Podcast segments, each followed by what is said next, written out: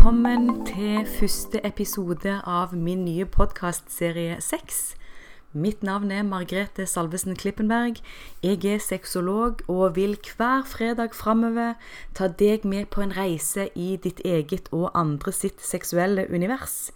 I denne episoden, denne første episoden så vil dere bli bedre kjent med meg, både som menneske og fagperson. Så i dag er det bare meg og mikrofonen som sitter her og kikker ut vinduet og prater ut i lufta. Jeg gleder meg. Jeg håper du følger videre. Velkommen, kjære lytter. For dere som ikke kjenner meg eller vet hvem jeg er, så bor jeg i en by som heter Egersund. Så dette blir en podkast på ekte dialekt. Jeg er 36 år. Jeg har tre sønner i alderen 17 til 8 år. Og jeg er singel. Av utdanning så er jeg sertifisert sexolog fra Sexologiskolen. Jeg er også utdanna vernepleier og har en mastergrad i sosialt arbeid. I tillegg så har jeg videreutdanning innen både seksuelle overgrep mot barn og organisasjon og ledelse. Hele mitt yrkesaktive liv så har jeg valgt å jobbe med mennesker. Jeg starta min yrkeskarriere med å jobbe med mennesker som er psykisk utviklingshemma. Jeg har òg erfaring med mennesker som har rus og psykiske lidelser. Jeg har òg jobbet med barn i grunnskolen med spesielle behov. Og størstedelen av min yrkeserfaring har jeg ifra barnevernet, både som barnevernleder, teamleder og saksbehandler. Nå jobber jeg som sexolog i eget firma og driver noe som heter Sexologisk veiledning og inspirasjon, der jeg tilbyr både konsultasjoner til enkeltindivider og par. Jeg underviser, holder foredrag, arrangerer workshops. Jeg er konsulent for Passion Fruit, som formidler erotiske hjelpemidler, og jeg jobber med et bredt spekter av sexologiske spørsmål.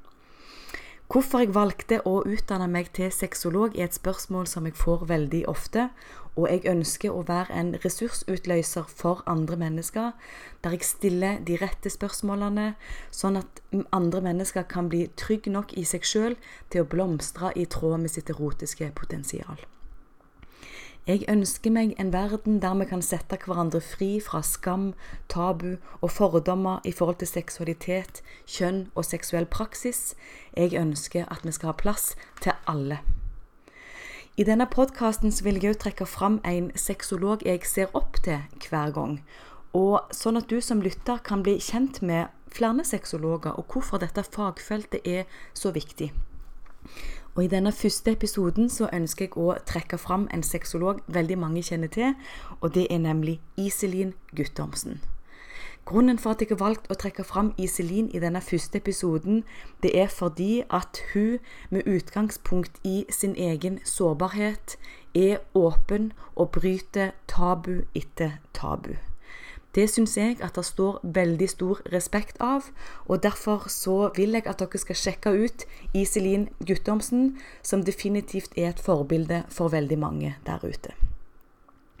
Et annet spørsmål som jeg får veldig ofte, det er hva familien min mener om at jeg jobber som sexolog. Og for å være helt ærlig på det, så har jeg vokst opp i noe som heter en puteoppvekstfamilie.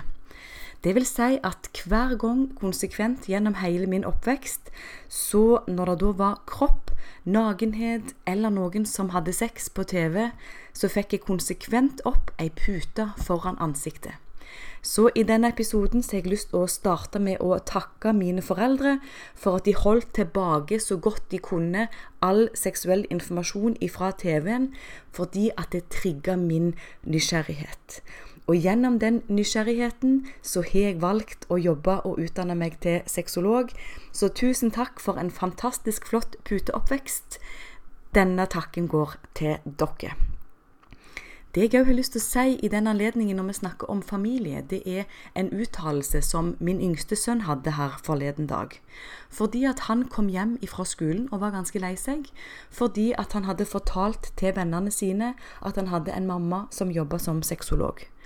Det hadde da resultert i at de andre ungene hadde ledd så mye at han måtte til slutt si at han bare tulla. Så han kom hjem og sa at han ville ikke at jeg skulle bli lei meg, men at han syntes det var mye bedre når jeg jobbet i barnevernet. Det er et ganske sterkt signal for meg på at vi er nødt for å jobbe med måten vi snakker om sex og seksualitet til barn. Og en god seksualundervisning starter i barnehagen. Jeg mener at vi er nødt for å starte tidlig med å fortelle barn både hvordan de har blitt laga, og hvordan en kan benevne ulike kroppsdeler og funksjoner. For hvilke historier er det du har fått fortalt om hvordan du har blitt til, og hvilke historier er det du forteller til andre, og spesielt til barn? Kanskje du har egne barn, eller kanskje du jobber med barn? Jeg mener på, folkens, at vi er nødt for å si det som det er. Og da spør folk ja, men hva skal vi si? Og min anbefaling der, det er å si som følger. Du, lille venn, nå er det sånn at du har blitt lagt ved at meg og pappa har hatt sex. Og da har pappa sin penis vært inni mamma sin vagina. Det har da skjedd i en periode der jeg har vært fruktbar, og mitt egg og pappa sin sæd har møtts og blitt til deg. Dette var den korte og enkle forklaringen, og så kan en selvfølgelig bygge på denne handlingskjeden alt etter hvordan en vil. Det jeg òg mener på er veldig viktig, det er hvordan vi benevner kroppsdeler til barn. Fordi at veldig ofte så kaller vi eh, spesielt kjønnsorganet både til gutter og jenter for tissen. Det vil si at vi bruker en av kroppens funksjoner til å forklare hele organet. Og akkurat nå har jeg lyst til å lese et lite eventyr for dere. Fra ei bok som jeg har skrevet, som heter 'Regnbueskogens hemmelighet'. Det er ei bok for barn om kropp, kjønn og seksualitet. Og dette kapitlet tar for seg nettopp det vi snakker om nå. Benevning av ulike kroppsdeler. Så følg med, jeg skal lese dette kapitlet, som heter 'Skattejakt'. Det var en gang en klitoris som satt på toppen av vulva. Klitoris sin eneste oppgave i livet var å spre lyst, glede og varme. Klitoris hadde mange tusen hjelpere som kaltes nervetråder, som virkelig kunne gi kroppen nytelse og avslapping. Det eneste problemet til klitoris var at ikke alle visste at den fantes. Klitoris ville derfor lage et skattekart, slik at alle kunne gå på jakt, for det var nettopp det klitoris var, en skatt. Klitoris var spent. Endelig skulle flere få vite hvor hun var. Endelig kunne flere få oppdage denne gode hemmeligheten. Klitoris visste at de som fant henne, ble glad. Glad for at hun fantes, glad for alt hun kunne gjøre. Klitoris ventet på toppen av vulva sammen med både de indre og ytre kjønnsleppene. Dette var skatten på jentekroppen, og klitoris var klar for å bli funnet. Ikke bare av noen, men av alle.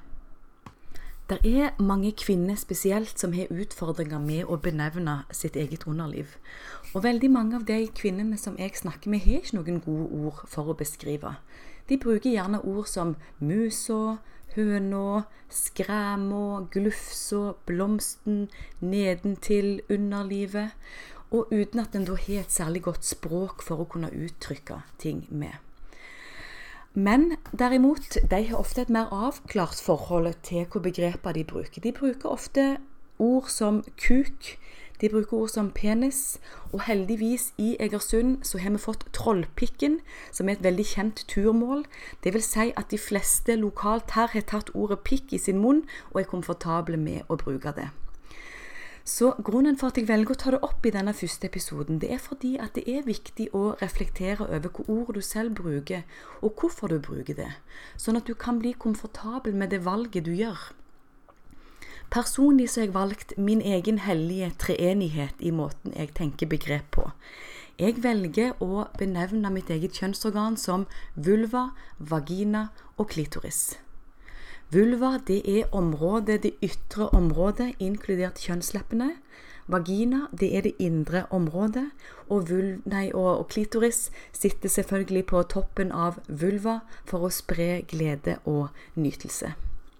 Så tenk igjennom og bli komfortabel med dine begrep. Fordi at det er òg lettere å kommunisere seksuelle behov og grenser når du har et språk som du er komfortabel å uttrykke med. Det er òg sånn at vi alle har en seksuell historie som er fylt med erfaringer. Og alle disse erfaringene de påvirker jo følelsene våre, tankene og handlingsmønsteret vårt, som igjen preger vår seksuelle identitet og praksis. Første skoledag på sexologiskolen så skulle vi gå sammen to og to. Vi skulle fortelle vår egen seksuelle historie til et menneske som en aldri hadde snakket med før. Dette mennesket skulle igjen presentere min personlige seksuelle historie foran resten av klassen. Og dette var første gang jeg virkelig fikk sett på min egen historie og fikk satt mine egne erfaringer i perspektiv. Dette gjorde at jeg selvfølgelig reflekterte over hvordan mine erfaringer har preget meg, både på godt og vondt, selvfølgelig. Og det med å reflektere over din egen bagasje, hva erfaringer er det du bærer med deg i din ryggsekk? Og hva er det du er stolt over og har lyst til å styrke videre? Hva er det du har behov for å reparere? Og har du mennesker som du er nødt for å gi slipp på? For det med å ha et avklart og bearbeida forhold til sin egen seksuelle historie er ofte en forutsetning for å kunne ha et trygt seksuelt selvbilde. For det er viktig å forstå hvordan dine erfaringer har påvirka deg, for erfaringene dine tar du òg med deg inn i dine relasjoner, og det vil påvirke dynamikken du har med andre mennesker. Et spørsmål som jeg får ofte av andre, det er bør jeg fortelle alt til min partner om tidligere seksuelle erfaringer? Og min anbefaling der det er at du forteller om hendelser som har påvirka deg, sånn at partneren din kan vise hensyn og forstå deg bedre. Det forutsetter selvfølgelig at du er trygg på din partner, og at du er tillit nok til å kunne formidle din egen sårbarhet. For det er veldig mange langvarige parforhold som lider under mangel på intimitet og har seksuelle problemer. Og veldig ofte så er det en underliggende emosjonell og psykologisk forklaring på de problemene som oppstår. For hva er egentlig òg et godt parforhold? Et godt parforhold for meg er når menneskene som er i forholdet, forstår sine styrker og òg arbeider med sine skygger og demoner. Jeg tror på at mennesker kan sette hverandre fri og støtte partneren og deres behov, og ikke hva du tror at de trenger. For veldig mange parforhold er bygget på frykt. Frykten for å være alene, frykten for å ha for mye ansvar på egen hånd i forhold til økonomi, i forhold til barn, praktisk. Frykt for å ikke finne noen andre. Og gjennom denne frykten så kontrollerer en hverandre fordi at en òg er redd for å miste kontroll. En setter begrensninger på hverandre. En er nedlatende i sine kommentarer. En regulerer tida. En kan gi andre dårlig samvittighet. Du unner ikke partneren din gode ting. For meg så er et forhold bygga på frykt prega av nettopp sånne ting som det. Et forhold som er bygga på kjærlighet. Det vil si at du er ubetinga så glad i det andre mennesket at du bare vil det godt, og derfor gjør det du kan for å bidra til det. Gjennom dine ord, gjennom dine handlinger, gjennom måten du møter partneren din på. Det kan òg selvfølgelig oppstå sjalusi som et resultat av at en ikke har det ok verken med seg sjøl eller i relasjonen. Personlig så har min, eh, mitt forhold til sjalusi utvikla seg radikalt. Ifra å ligge ei vinternatt i buskene for å spionere på min eks i tilfelle han skulle ha besøk av noen andre, til å virkelig tenke at jeg ikke ønsker eller kan kontrollere et annet menneske og hva det gjør. Jeg har lært meg å bruke min egen sjalusi som veileder i forhold til min egen usikkerhet og hva jeg har behov for å styrke i meg sjøl. Jeg bruker min sjalusi som en drivkraft for endring, fordi at jeg ønsker å jobbe med personlig utvikling. Det er så viktig aspekt både i forhold til det med å forstå seg sjøl, men òg i forhold til parforhold. Fordi at vi vet òg at mennesker som har et aktivt og godt sexliv, de har generelt en bedre livskvalitet og psykisk helse. Og hva er så viktige momenter i forhold til det vi drøfter her? Og det første jeg har lyst til å trekke fram da, det er kjærligheten til deg sjøl. Og hvordan kan du styrke din egen kjærlighet? Jo, måten en kan gjøre det på, det er å innføre ritualer som er positive for deg. Det kan være f.eks. at du setter av litt tid hver dag til å tenke og manifestere gode tanker om deg sjøl og hva du ønsker for livet ditt videre. Det kan være at du finner fram litt kokosolje, masserer kroppen din, at du visualiserer og manifesterer gode ting for deg sjøl. Det kan òg være at du fokuserer på å bli enda bedre kjent med din egen kropp gjennom kjærlige berøringer og kjærlige tanker. Det er så viktig å jobbe med å akseptere og sette pris på din egen kropp, og at du allerede nå begynner å tenke på ditt fysiske utseende som forbigående. For det er sånn, folkens, at hvis vi er privilegert nok til å bli gamle, så er det viktig å ha noe mer fundamentalt å holde fast i enn vårt ytre utseende. Det å både kunne gi og ta imot nytelse handler ikke om hvordan man ser ut. Tvert imot så handler det om hvor trygge vi er på oss sjøl, og hvor villige vi er til å både gi og ta imot nytelse. Min tilgang til livet det handler om at det alltid er mulig å se på det som skjer, som en mulighet til å videreutvikle meg. Så Derfor så vil alle erfaringene mine, både positive og negative, inneha et læringspotensial. Hvis du ønsker å komme i kontakt med din egen nytelse, så er det viktig at du blir trygg nok i deg sjøl til å kunne ta imot. Og i det så forutsetter det òg at en er nødt for å være sårbar. Både i relasjon til andre, men òg i relasjonen til deg sjøl. Når en prater om nytelse, så er det viktig å komme ut av sitt eget hode og ned i kroppen for å merke etter, og ikke bare kognitivt planlegge neste steg. Hvis du ser mer på sex som en flyt av energi som ikke er styrt av valg, men som mer er styrt av flowen som oppstår i øyeblikket, så kan du virkelig ta nytelsen tilbake igjen til her og nå. Når en jobber som sexolog, så er det alltid et bredt spekter av tema andre har lyst å høre dine meninger om. Og et av de temaene som er veldig sentralt der, det er utroskap. Mine tanker om utroskap er at det, det, det fins ikke et svart Dette er ikke et svart-hvitt spørsmål. Og det fins ikke heller et svar på rett og galt. Når vi snakker om utroskap, så er det nødt for å utforskes i hvert enkelt tilfelle. For veldig ofte så må en òg utforske dynamikken i parforholdet. Det er òg andre som forelsker seg utenfor parforholdet, og at lysten på sex med et annet menneske trumfer etikken. Men veldig ofte så er det mer dypere liggende, eh, større tema som er nødt for å utforskes når en snakker om utroskap. Det ene temaet her kan være at den ene parten har et utrygt tilknytningsmønster som gjør det vanskelig å binde seg følelsesmessig som voksen. For noen så forsvinner lysten når partneren kommer for nær. Sin nærhet ofte er forbundet med svik og skuffelse ifra barndommen, og nye partnere representerer ikke en trussel i forhold til nærhet. Det er òg sånn at for veldig mange så handler ikke utroskap om personen de har sex med, men det handler om behovet for å redefinere seg sjøl og det mennesket man har blitt.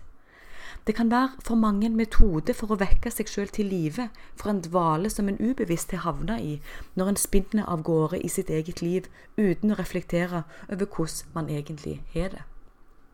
Generell lyst, som også selvfølgelig inkluderer sexlyst, trenger plass og rom i livet til å vokse seg større og sterkere og hvis du da spinner av gårde i ditt eget liv uten å stoppe opp og reflektere over hvordan du forvalter din egen tid, så vil sex og sexlysten være noe av det første som forsvinner. Vi er alle født med en seksualitet, og vi skal alle dø med en seksualitet.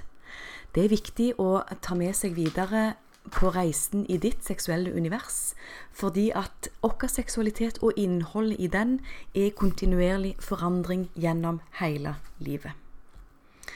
Ok, folkens. Denne episoden nærmer seg slutten.